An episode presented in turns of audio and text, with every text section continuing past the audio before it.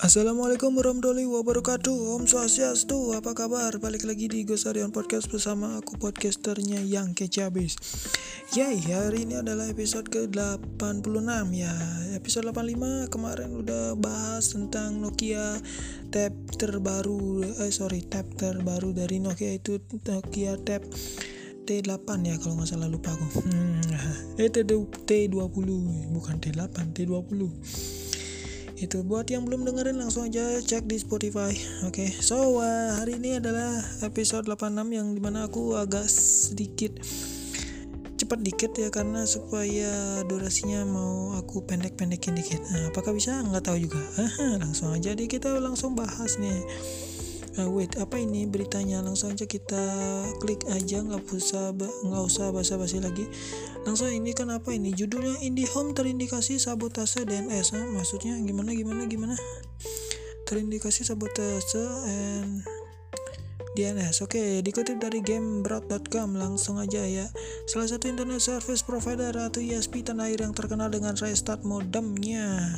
Kini kembali berulah Kini bukan permasalahan kecepatan yang menjadi sebuah problem, melainkan domain name system yang dimainkan ISP dengan plat merah satu ini.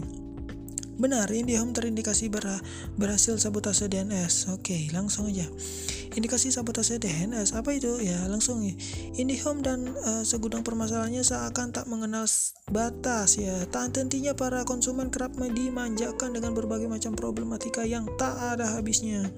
Setidaknya menurut pengalaman penulis ya, uh, wait, uh, penulis penulis ini artikel ini ya Ya, baru-baru ini seorang user Twitter bernama Edtut, oke disensor, dalam cuitannya mengungkapkan uh, keluh kesahnya dengan layanan internet dari IndiHome ini.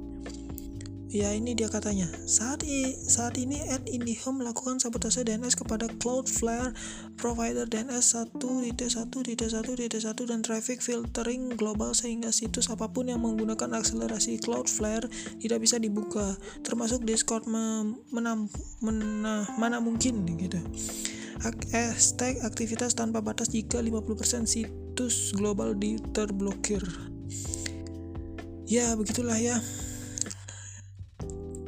Selain itu, uh, ia menduga bahwa ISP plat merah ini pun melakukan traffic filtering secara global. Hal ini mengakibatkan semua situs semua situs yang memanfaatkan layanan dari Cloudflare tidak akan bisa diakses sama sekali. Salah satu di antaranya yang tidak bisa diakses adalah Discord, yang mana merupakan media pilihan etut untuk berkomunikasi. Aduh sensornya gini ya mulut.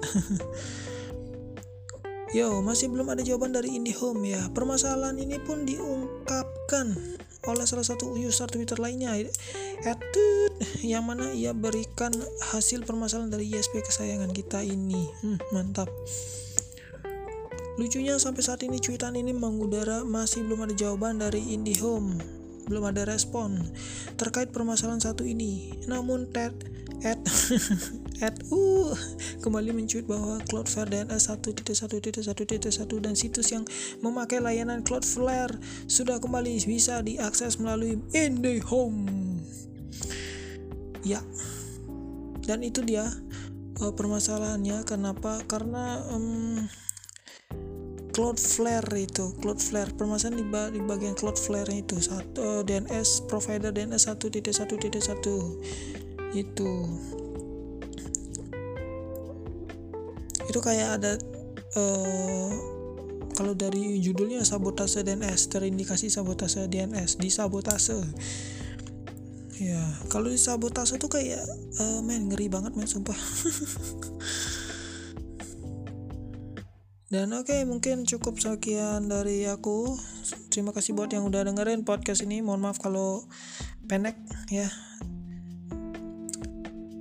Itu aja apalagi yang ngomong nggak mau ngomong lagi dah. Nggak mau ngomong lagi deh maksudnya itu rada kasar banget ya. Ya udah nanti di episode selanjutnya bakal aku kasih tahu tutorial gimana sih cara berbicara yang baik dan benar di podcast gitu. Oke? Okay? aku aku Gosarya sampai jumpa di podcast berikutnya. Bye bye